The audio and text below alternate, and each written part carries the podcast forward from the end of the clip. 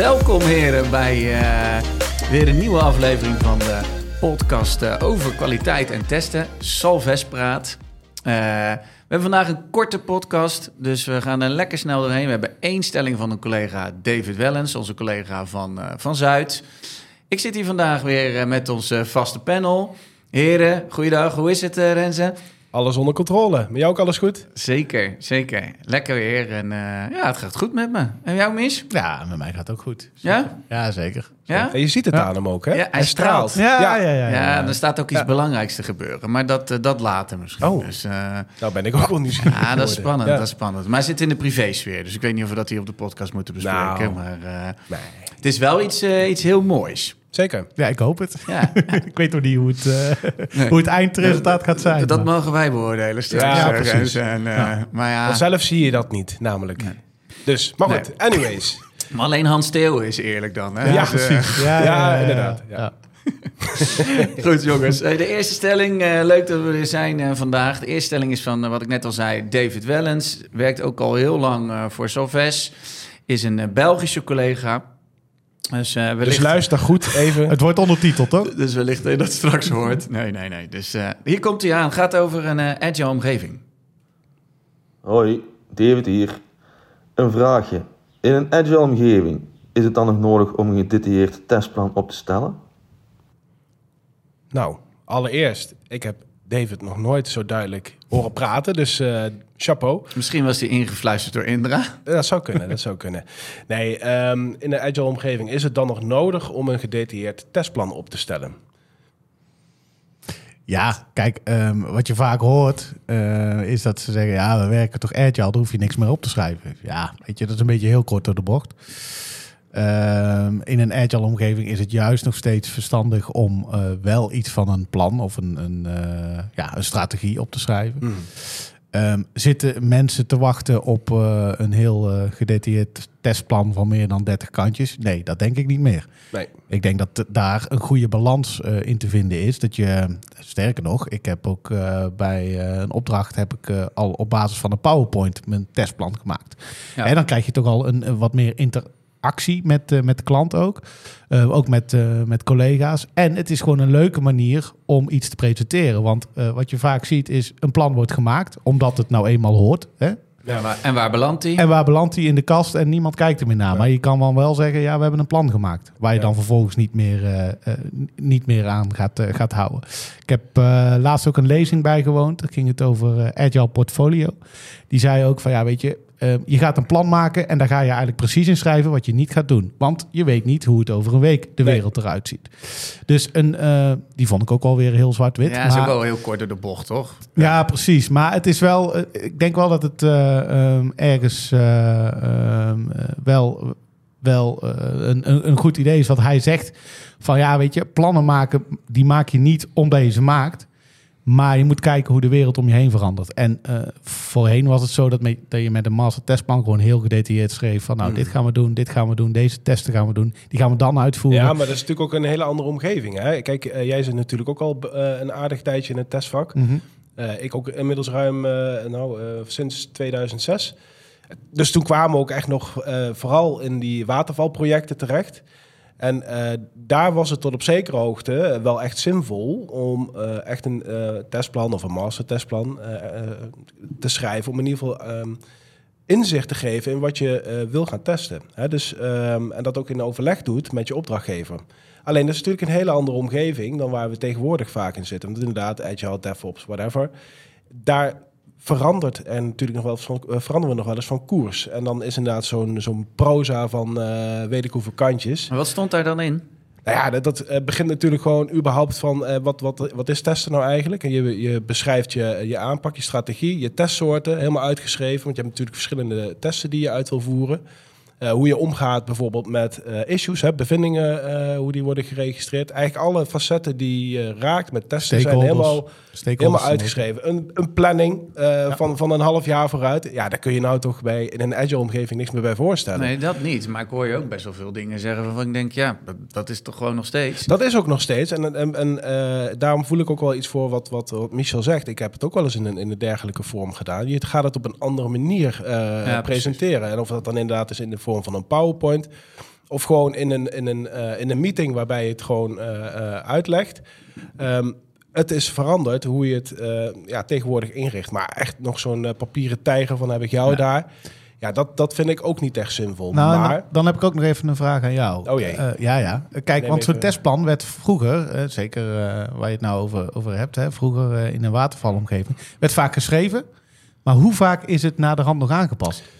Ehm, nou ja, in de regel niet heel vaak. Als dat wel zo is, dan eh, is het misschien ook wel eh, een wijze les voor jezelf. Want dan heb je er misschien op voorhand niet heel goed over nagedacht. Ja, maar je weet niet. Kijk, In een watervalomgeving, nou ja, in principe eh, veranderde er voor mij, het is dus mijn ervaring, Mhm. niet heel vaak iets aan, aan dat testplan. En hoe vaak heb ik hem nog eh, terug moeten pakken? Niet zo vaak. De momenten dat ik hem wel terug moest pakken, was dat er, eh, eh, als er sprake was van een discussie Ja. over eh, hoe, Ja, ja hoe bepaalde testen verlopen. naslagwerk Van pakken. ja, luister, dit hebben we toen de tijd afgesproken.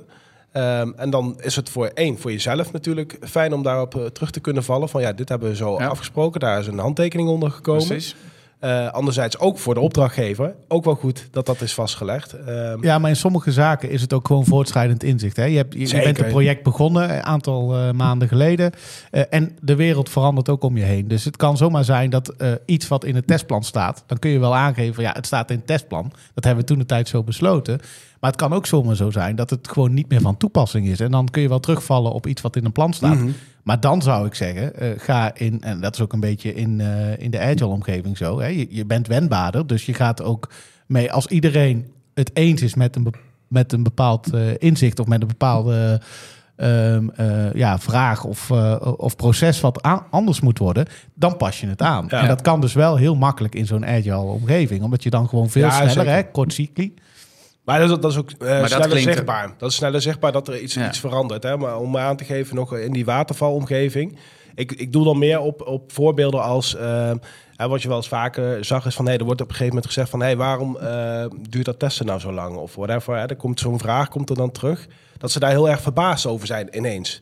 Ja. je kent ze wel, die projectleiders die ook hun doelen moeten halen. Eh, ik snap die projectleiders heel erg goed. En dan Deadlines, proberen ze ja. toch ergens eh, iets te beknibbelen. En waar gebeurt dat dan in dat soort traditionele trajecten? Ja. bij het testen. Ja. En dan proberen ze het via die weg eh, daar een stukje vanaf eh af te kalven. En dan is het van, in ieder geval vanuit mijn rol, zeg van, ho eens even, maar dat hebben we niet afgesproken. Want ja, dan pak ik hem er toch even bij. Nee, precies. En dan heb je wel gewoon een goede basis om die discussie te kunnen voeren. Ik vind het wat anders als er voortschrijdend inzicht is en eh, dingen lopen anders. Dan moet je bijstellen en dan moet je dus ook je testplan herzien. Dat ben ik met je eens. Nou, Ja. dat is natuurlijk ook wel het mooie in nu in Agile. Is je hebt gewoon sprints. En in die sprints moet je gewoon hè, theoretisch gezien een eh, shippable product, dus een releasebaar eh, product opleveren. En daar zit dus zowel ontwikkeling als test in.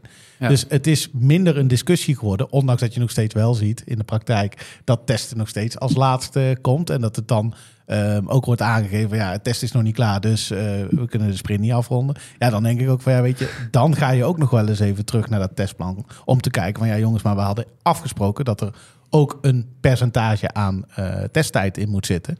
En dat wordt nou niet gehaald. Ja, dus dan hebben we het ook niet meer over echt een gedetailleerd testplan, maar je maakt afspraken met elkaar.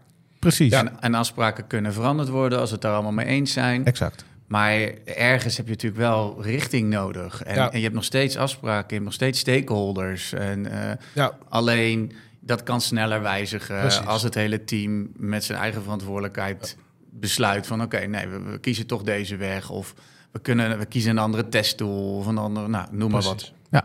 Ja, als ik kijk eh, naar mijn huidige opdracht, hè, is een omgeving waarbij we ook agile werken. Ehm, daarin hebben we ook die transitie moeten maken. Hoe we omgaan met, met testplannen en dergelijke. Wat we daar nu hebben gedaan, we hebben ehm, best wel een behoorlijk eh, team van testers binnen deze organisatie. Rond de, rond de 30, dat is best wel aanzienlijk. Testvolwassenheid is ook eh, redelijk eh, van niveau. Ehm, en daar hebben we gewoon afgesproken. Je maakt als team, als agile team, eh, generieke testafspraken. Hè, dus dat is meer hoog over. Van hieraan eh, houden we ons. Ja, En precies. afhankelijk van, ehm, hè, want we hebben gewoon wisselende eh, tijden, hè, zou ik maar zeggen, hè, sprints. eh, en daar pas je dan je testen specifiek op, van, op die sprint op aan. Ja. Maar wel in het achterhoofd houdende, we hebben wel generieke testafspraken. Dus met die baseline probeer je dan je wel je testen zo Ja, maar dat klinkt ook logisch, want het Ja. moet ook niet worden, doe maar een dotje. Nee, nee, nee, nee, zeker niet. Nee. Nou, Nee, je hebt dus eigenlijk een soort framework met testafspraken. Daar, als iedereen zich daar binnen beweegt, is het prima. Ja, En gaan we daar buiten, dan eh, kun je de discussie starten. precies. Oké. Nou, heren, we waren het eh, een mooi eens volgens mij. Ja. Zeker. Ja. Zeker. Dankjewel, dankjewel. Wat ik al zei, korte podcast deze keer. Ik hoop dat jullie eh, genoten hebben. Dankjewel Renze. Eh dankjewel Michel. Jij bedankt, Barend. Ja, Graag gedaan. dat je hem weer eh, hebt voor willen zitten. Wat zei Dankjewel. je? Dat je hem weer hebt voor willen Ja, natuurlijk. Ik Je doe moet het toch elke keer maar plezier. weer doen, hè? Heel veel plezier. En nogmaals, ik wil nog een keer melden, net als in de vorige podcast. Mocht iemand eh, van of eh, onze collega's eh Salvessers of iemand van buitenaf, eh, van extern, van jullie collega's eventueel een, een stelling in willen brengen. Klanten.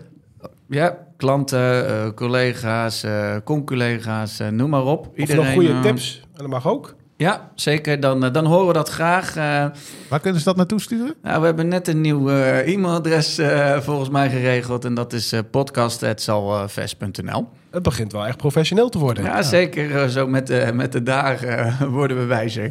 Binnenkort maar eens even met Talpa gaan praten. Ja, of precies. Ja. Ja. Ja, precies. Of is dat hetzelfde? Dat weet ik eigenlijk nooit. Nou ja, maakt niet uit. Dus een stelling voor, de volgende keer. Ja, precies. Dankjewel. Werk ze vandaag nog, hè? Ja. Yo. Groetjes. Hoi, hoi. hoi.